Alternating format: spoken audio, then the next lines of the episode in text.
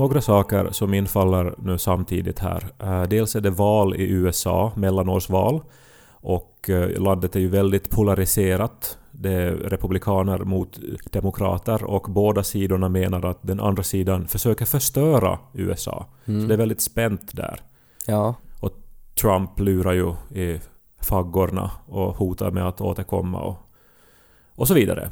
Mm. Och sen tittade jag på Efter nio eh, och där så talades det om incels.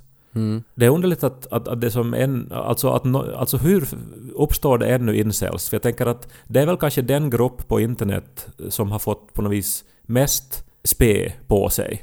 Och att de ännu som fortsätter samlas och diskutera och hålla på.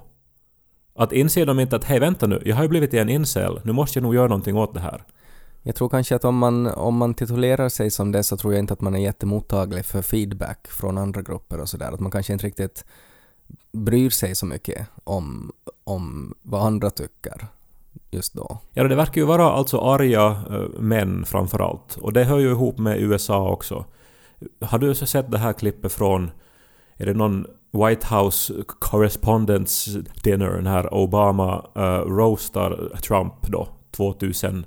2014 typ? Och Trump är där i publiken och sen dess har det då analyserats att vänta nu, han blev liksom... Hans heder kränktes där. Han tog illa upp. Var det då han bestämde sig för att nu ska han liksom ge tillbaks? Mm. Och att... Var det så det startade? Jag, jag, jag har läst den Vi kan ju teorin. lyssna lite på det där klippet. Donald Trump is here tonight.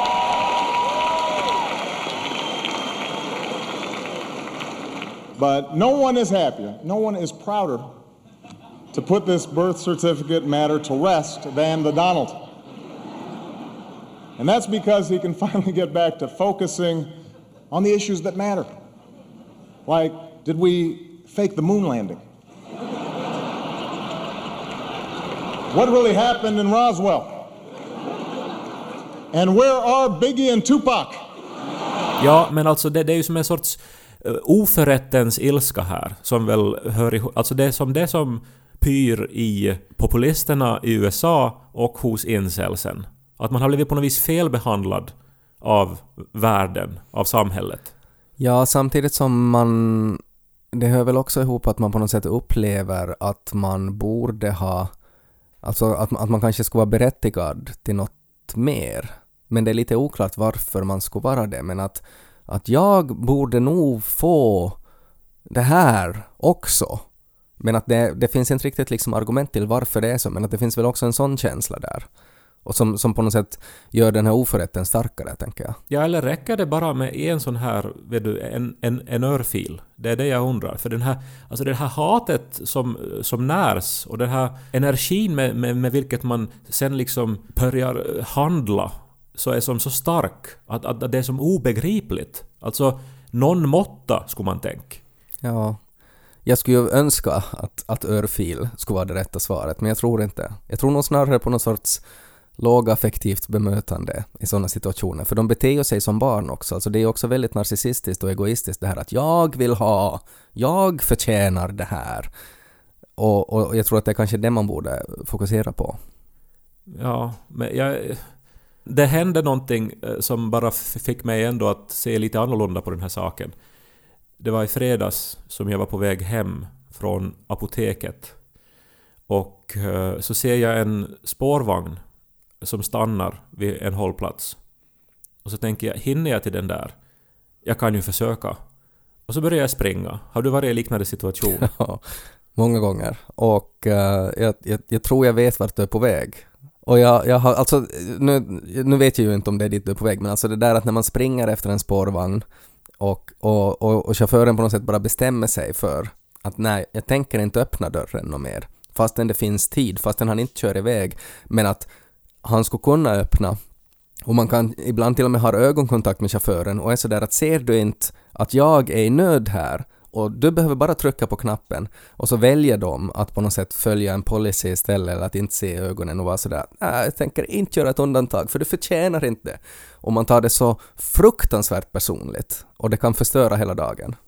Ja, verkligen. Och det, det är li, lite grann åt det här hållet, men inte helt som jag tyvärr måste gå nu för att Där springer jag då. Efter mig börjar också andra springa som vill hinna med spårvagnen. Mm. Och eh, när jag närmar mig spårvagnen så ser jag att i det här bakre partiet av den så finns det såna här biljettkontrollanter. Mm. Så det ser jag. Ja. Men så kommer jag fram och så trycker jag på, på dörrknappen och den öppnas. Alltså, jag hann med spårvagnen. Ja. Och jag pustar ut. Och jag håller redan i min telefon. Framför dörren står då en sån här biljettkontrollant. Så jag då trycker fram en biljett, jag köper en biljett, visar det för, för kontrollanten och går och sätter mig. Mm. Och så säger kontrollanten men den där måste du köpa på förhand. Ja. Och så säger jag ja, ja, ja men här, här är den, jag, jag, jag gjorde ju det. Mm. Du måste köpa den innan du kliver på spårvagnen. Och så sa jag, men, men jag kom ju springande här och jag öppnade dörren och så köpte jag genast. Man måste köpa den innan man kliver på spårvagnen. Och det är alltså nu som spårvagnen far iväg från hållplatsen. Mm. Då jag alltså har en biljett, har satt mig ner och uh, inlett resan. Och det uppstår en diskussion då mellan mig och kontrollanten. Men eh, hon lyssnar inte. Mm. Utan hon, är, liksom, hon har låst sig vid det här argumentet att man måste köpa den innan man kliver ombord på spårvagnen. Ja. Och jag som... Alltså jag, För henne var det svartvitt. ja. Och jag förklarar ju att men om jag skulle vill du köpa biljett med reskort så då måste jag ju ändå gå in i spårvagnen och köpa den liksom via automaten. Att nu, du såg ju att jag köpte den innan jag satte mig ner. Mm. Så fort jag kunde. Eh, och då ber hon då om min legitimation för hon ska skriva ut böter. Och då, då, då blir jag arg och säger jag, jag vill inte visa legitimation för att jag har inte gjort någonting fel. Här är min biljett. Mm. Och då kallar hon på vakt. Och så kommer en vakt. Och så för- förklarar jag för vakten eh, vad, vad som har hänt. Och jag reser mig upp. Och när jag reser mig upp så säger han att om jag försöker lämna spårvagnen så kommer han att stoppa mig fysiskt. Vet du vad man ska säga i den situationen? Då ska man säga nej gör inte det för då blir jag så kåt. Ja, För då har de- ändå hade haft den närvaron. Då har de svårt att veta hur de ska göra. Får jag bara, får jag bara inflika här alltså hur jag tror att det är bäst att agera i en sån där situation, alltså när man möts sådär av en mur av oförstånd. Så man måste besvara med samma ammunition. Alltså att du borde ha helt långt förklarat åt henne eh, nej, jag köpte den här biljetten före jag kom på. Den här biljetten är köpt före. Och även om hon säger men jag såg att du gjorde det så säger du det förstår jag inte hur du kan ha gjort för att jag köpte den här biljetten före. Alltså att ditt ord, att, att du har precis samma auktoritet som hon har i det här fallet. Ja, men... Och så, vill man, och så, så ska man se hur långt man kan dra det. Nu, nu, nu var det ju så att alla kontrollanter, de var sen till sist fyra stycken som stod runt mig för att Mm. stoppa mig. Mm. Såg ju att jag köpte biljetten, för jag visade den åt dem när jag klev ombord. Ja. Men enligt deras då argument så köpte jag den alltså en sekund för sent eller någonting. Mm. Alltså att, att jag, jag borde ha liksom varit... Även om dörren ännu var öppen så, så, så borde jag ha haft den då innan jag tog det här sista steget. Ja. Nå, jag vill ju inte ge mig, så jag säger att de får föra mig till polisen då. Mm. För det här är som inte rimligt och rätt. Mm. Och de är, pratar med någon sorts kodspråk, någonting med några siffror. 7321 homosexuell stammare. Att eh, det tar ungefär tre timmar innan polisen har tid att eh, komma till platsen. Mm. Och att jag då också blir åtalad för motstånd mot tjänsteman. Mm. Till sist då så, så, så ger jag dem min legitimation. Och så skriver de ut böter åt mig. Och sen då så låter de mig fara. Mm. Och eh, jag har varit förstörd som människa efter den här händelsen. Det har nu gått fyra dagar. Det var någonting som gick sönder i mig. Mm. Och jag har liksom försökt rationalisera den här känslan, för den är ju irrationell. Eh, för det är ju inte hela världen. Men det är någonting med det här förorätten och det här kontraktet mellan mig som har bott 13 år i Helsingfors och som har använt lokaltrafiken och som alltid har betalat för mina biljetter att liksom tvingas utsättas för det här. Ja, och det blir ju problematiskt också för att man vill ju, man önskar ju att alla människor, som, alla vuxna människor som befinner sig i arbetslivet skulle kunna på något sätt behandla alla, alla som enskilda fall. Uh, att det skulle alltid finnas en sån här att jo, även om reglerna är på det här sättet, för att man måste nu bara, det måste nu bara stå någonstans hur reglerna är.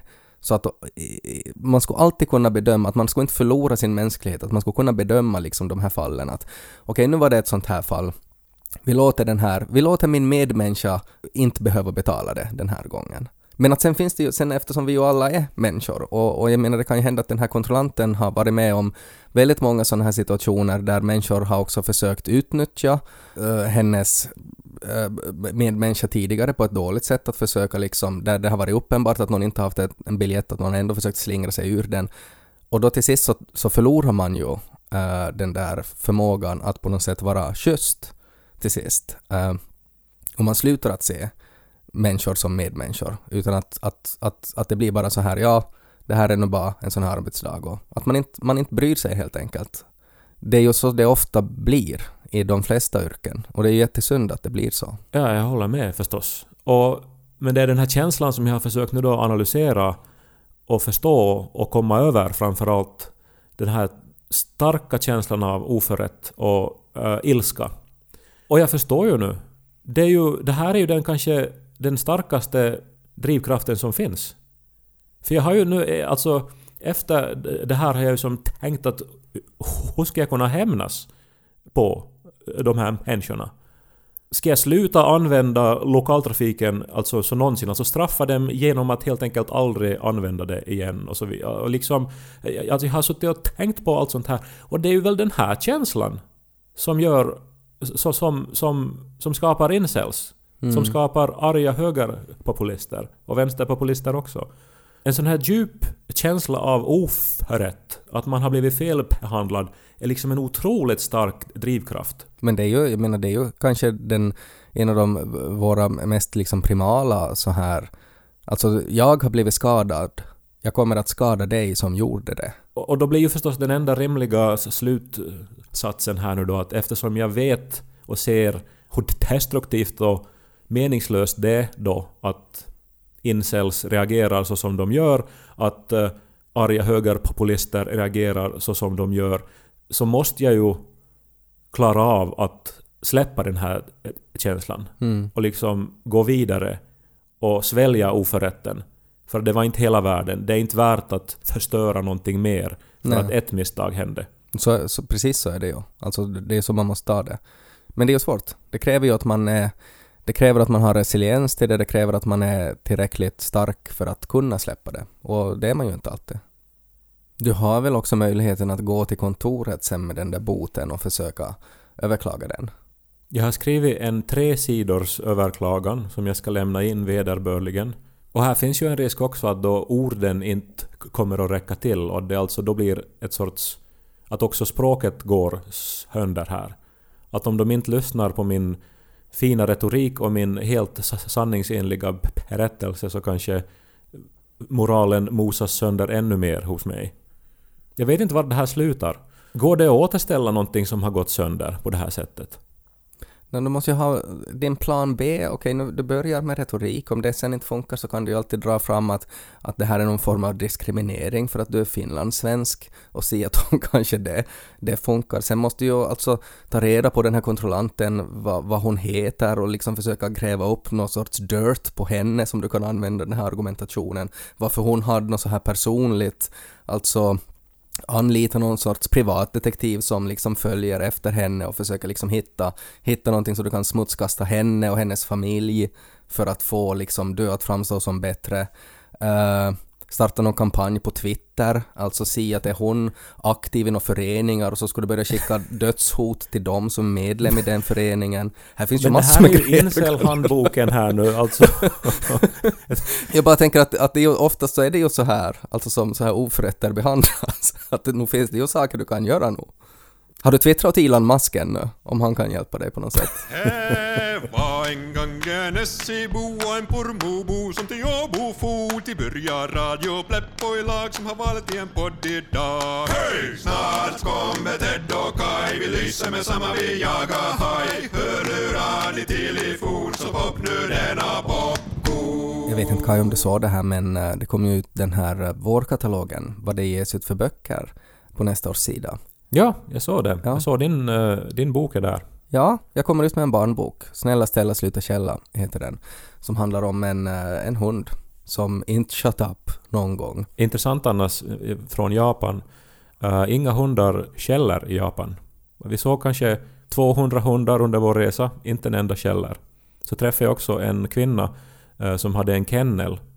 Och vi pratade om det här och så sa hon att jo, jo att, att eh, det är västerlandet som hundar skäller. Kanske för att de vet att de blir uppätna om de skäller. det är inte i Japan de äter hundar. Jag vet, men det var ju jättekonstigt. För det, det är ju så som hundar nog kommunicerar genom att skälla. Så det låter ju som att de är traumatiserade. Uppfostran handlar det väl om. Jag kanske inte, det här japanska sättet att uppfostra på är kanske inte det som... Att hota med att äta upp dem. ja, ja, att det är ju inte... no, ja. Men du har skrivit en bok om en hund som inte slutar skälla. Ja, det, det har jag gjort, men det var roligt också att, att det blev en diskussion om uppfostring, för det var egentligen det som jag var på väg äh, för. Alltså, jag har skrivit en bok som, som egentligen alltså en nattningsbok, alltså en bok som jag själv upplevde att men en sån här bok skulle jag vilja ha när jag nattar mitt barn. En, den, äh, så här att det är liksom lagom mängd bilder, lagom mängd text. Den ska inte vara för kort, den ska inte vara för lång. Att den är så här optimal för en så här effektiv nattning. Och i pärmen så finns det 5 centiliter sprit och ett sugrör. Det borde ju vara så. så här. Istället för sån där scratch and sniff som fanns förr att man skulle liksom man skulle, man skulle gnugga på någonting och så, så doftar det gott så är det liksom så här scratch and drink att man gnuggar bort ett hål och så kan man sörpla i sig. När du hör det här ljudet är det dags att ta en sup. Egentligen dit som jag, som jag ville komma var att, att jag, har, eh, jag har funderat lite på den här nattningssituationen den här senaste tiden. För att eh, min, eh, min syster gifte sig för några veckor sedan. Och då hade jag då, då, då skrev jag ett tal åt henne. Och inför det här talet så funderade jag väldigt mycket på liksom att men vad, vad vad, va, va finns det för någonting jag skulle kunna lyfta fram om, om Patricia som kanske hennes vänner inte vet eller, eller någonting sådär och att det skulle gärna få vara lite roligt och sådär. Um, och då var det som att jag på något sätt låste upp minnen som jag inte riktigt hade tänkt på på en tid och insåg att oj, det här, ja, det fanns ju det här. Alltså sådär att om ens minne är ett så här, ett så här memory palace var det Sherlock Holmes som hade, att man kan gå in i olika rum. Mm. Så det var som att jag plötsligt hittade att aj, det fanns ju det här rummet. Så det, det var liksom dammigt och spindelnät och så, så fanns det då en massa saker som jag inte alls hade tänkt på där. Och eh, jag insåg då att, att jag och, och, och, min bror Dennis, alltså min äldre bror, alltså att vi har ju traumatiserat Patricia otroligt mycket genom eh, att natta henne. För att vi hade, det var, framförallt var det en speciell sommar då båda mina föräldrar jobbade och eh, Patricia var väl ungefär, alltså hon var en sån här 6-7, alltså ungefär den här, när hon var kanske yngre, hon var kanske 5-6, men typ i den här åldern som Lo är just nu. Och då så skulle jag och Dennis barnvakta henne när mina föräldrar jobbade. Och det här tyckte vi var, var väldigt störande för att, att det påverkar ju vår fritid, liksom att att, att vi, ville ju, vi ville ju spela våldsamma spel och sådär och då, kunde, då fick inte vi göra det. Liksom att om hon stod där och dreglade vid sidan om. Och det här löste vi genom att ha ganska mycket nattning. alltså där, att vi försökte få henne att sova, alltså i bästa fall hela dagen. så att, så att vi skulle få så mycket fritid som möjligt. Um, och, eh, och det ledde ju till, för det, det var ju ganska svårt liksom att, att, att det är ju inte bara så här att få ett barn som har sovit fyra timmar på dagen att sova igen några timmar. Uh, så vi, vi hade ganska så här kreativa lösningar på hur vi gjorde de här nattningssituationerna. Kloroform och, och sånt. Ja, liksom alltså... Medvetslöshet. Det, det kan nästan hända att det skulle ha varit bättre än det vi gjorde för att man kan göra ganska mycket när man är liksom två i en nattningssituation. Alltså att du har möjligheten att vara good cop, bad cop. Alltså att, att det är ena som nattar och så är den andra fri att liksom göra andra saker. Och eh, vi på något sätt fokuserar på det här terror, alltså skräck. alltså att, att vi tänker att om vi kan utnyttja, alltså att, att, att om vi kan liksom skrämma henne till söms, eller som skrämma henne så att hon inte vågar stiga upp. För det var som ett problem det att hon var sådär att, att jag är inte trött något mer och så vinglar hon bort ur sovrummet och det var som ett problem. Och då insåg vi men att om vi skrämmer henne så hon inte vågar få bort ur sovrummet så då kanske hon till sist somnar. Och, eh, och då utvecklade vi liksom att vi hade några sådana här go-to-metoder. Eh, eller i princip lekar då, alltså att vi, vi, vi, vi började läsa då en bok, alltså att jag låg med henne i sängen eh, och skulle, skulle läsa en bok och så hade vi då ett scenario Eh, som hette eh, Råttorna kommer, spring för livet. Som var alltså att, att mitt under läsningen eh, så stannade jag upp ibland och, och tittade runt mig Tittade upp i taket och sådär och, och tills Patricia reagerade på det och så var jag sådär att nej men inte det var nog säkert inte något och så fortsatte man då läsa Bockarna Bruse eller något sånt. Och så väntade man en liten stund och så var då uh, Dennis i ett annat rum och så började han krafsa på väggen så här försiktigt. Och så stannade jag upp och var sådär att alltså tycker du att det är något som Nej, men det är nog säkert inte någonting. Och så höll vi på Men är klockan liksom ett på dagen nu också? Alltså som att det är ljust ute? Ja, ja så är det, men vi hade ju så här mörkläggningsgardiner och vi hade ju så här, det, det var ju liksom kolsvart i det där utrymmet. Um, och så höll han på sådär och, och de här krafserna blev större och större och, och sen så kulminerade det då i att man skriker att nej men det är råttorna, spring för livet! Och så måste man liksom bort ut ur rummet då. Sen hade vi, vi hade en annan variant då som hette mamma och pappa har varit Eje och polisen som, som alltså i princip då att man, man får att, att, att, att det liksom man får ett telefonsamtal och, och, och att de, de, har, alltså att, att, mamma och pappa har blivit tagna av polisen och att, att hon ska vi klara det här nu. Och, och att det är nog bäst att vi får och sova. det var ena. Uh, sen hade vi en annan som var Trollet tar det om inte du blundar allt vad du kan. Och den är ganska sådär straight forward egentligen. Mm. Då var det ganska mycket så här klampande. Dennis liksom gick in i rummet och klampade och sådär och vi låg och blundade då. Men Patricia skvallrar nu då inte då till era föräldrar? Det här liksom fick pågå uh, utan reprimander liksom? Ja, no, alltså det, det pågick alltså tills vi hade då uh, vårt magnum opus egentligen som var, var som en kombination av alla de här lekarna som egentligen det hette Vad var det för ljud? Uh, och, och det, var, det var liksom egentligen väldigt psykologiskt, alltså för att vi nattade som vanligt och läste en bok och sen så hade då Dennis något, liksom att han slängde någonting på golvet så att det hade ett ljud. Och så stannade jag upp och sa till Patricia ”Åh, vad är det för ljud?” Och sen beroende på vad hon svarade så justerade Dennis vad han gjorde för ljud efter det.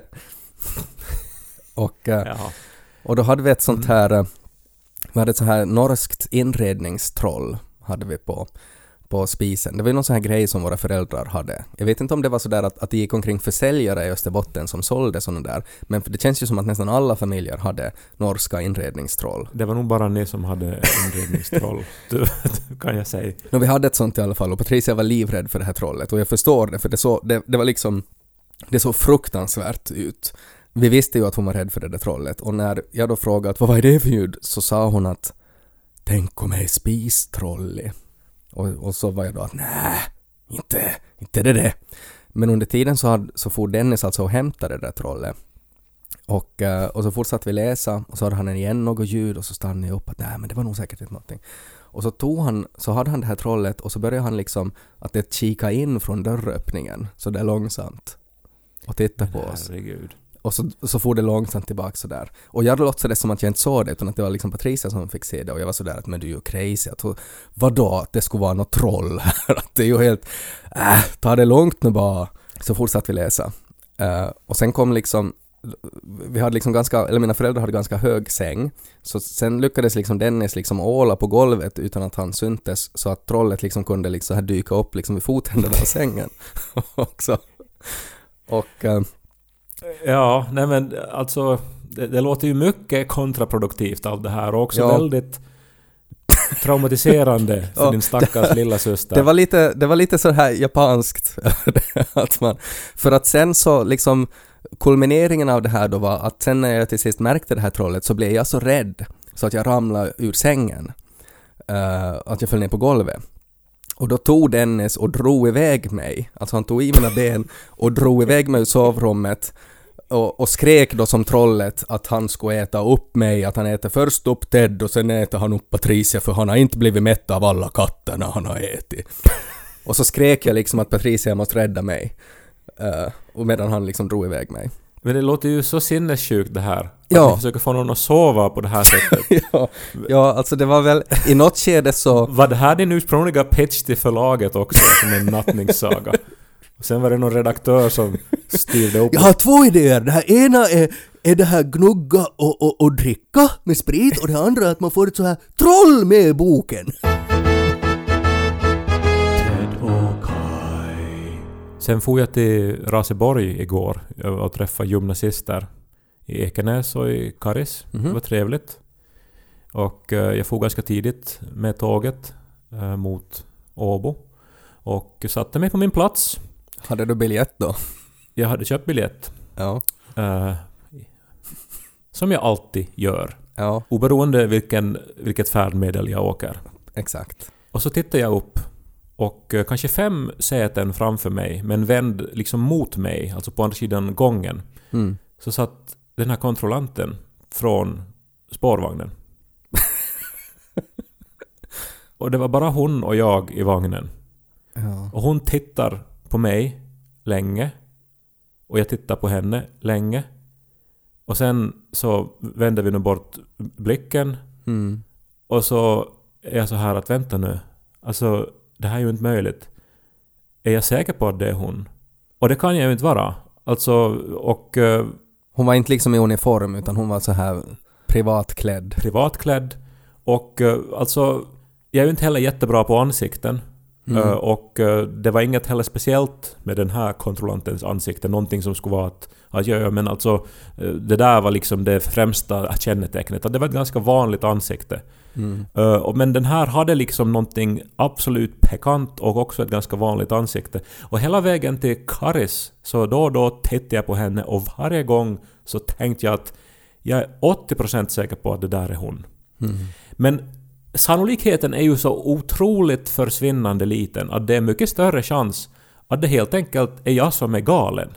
Att jag har varit så traumatiserad av det här som hände och så på något vis upprörd och jag har tänkt så mycket på det att jag börjar liksom, som i en sorts, någon sorts film, alltså se den här människan. Alltså Ja. inbilla mig att, att hon är överallt. Ja, ja. Alltså det här, är ju, det här är ju scenen där du ska liksom attackera henne och liksom slå henne blodig, alltså som, någon som, som en schimpansattack. Och så först efteråt när de liksom, polisen drar iväg. En schimpans, förlåt, du måste förklara vad en schimpansattack är. En schimpansattack är sådär att, att du, du liksom som ett vilddjur, att du liksom biter läpparna av henne och slår henne med dina kny... Alltså helt sådär besinningslöst raseri. Och först när liksom polisen drar iväg dig och du skriker då att det är kontrollanten, kontrollanten! Så ser du egentligen att det är en gammal gubbe som du har schimpans attackerat. Att det är liksom först då som det släpper liksom den här hallucinationen. Ja, men vilken skräck det där är om det är så att man inte kan lita på sin perception. Och det är ju många eh, som av olika sjukdomsorsaker eller av drogpåverkan tappar greppet om vad som är verkligt och vad som är inbillat. Men finns det någonting som är obehagligare än att vara osäker på sitt eget förnuft? Jag har flera gånger reagerat på att det är intressant alltså hur, hur det är liksom så speciellt kopplat, alltså det man ser är liksom så otroligt kopplat också till det man vet, alltså till hjärnan. Alltså sådär att när du, när du ser en person som du upplever att det, nej vänta nu, den här människan är nog bekant. Och sen när det kommer fram att du får det, ah men det är ju den här! Att vi var ju i Skribban tillsammans, eller när det sen klickar. Så då är det som att det händer någonting i hur du ser den där människan. Att plötsligt är det sådär att men hur kunde jag inte direkt se det? För att förstås ser jag ju det. Alltså det är som att hjärnan sätter då ens perception av den här människan i ett annat fack. Att det var liksom i fel fack. Men sen när man sätter det i rätt fack så då ser man människor på ett annat sätt. Skulle jag kunna, när jag går till kontoret med min tresidors överklagan, om jag som på, på något sätt skulle kunna skrämma dem till att gå med på det jag vill, alltså att de ska riva den här boten?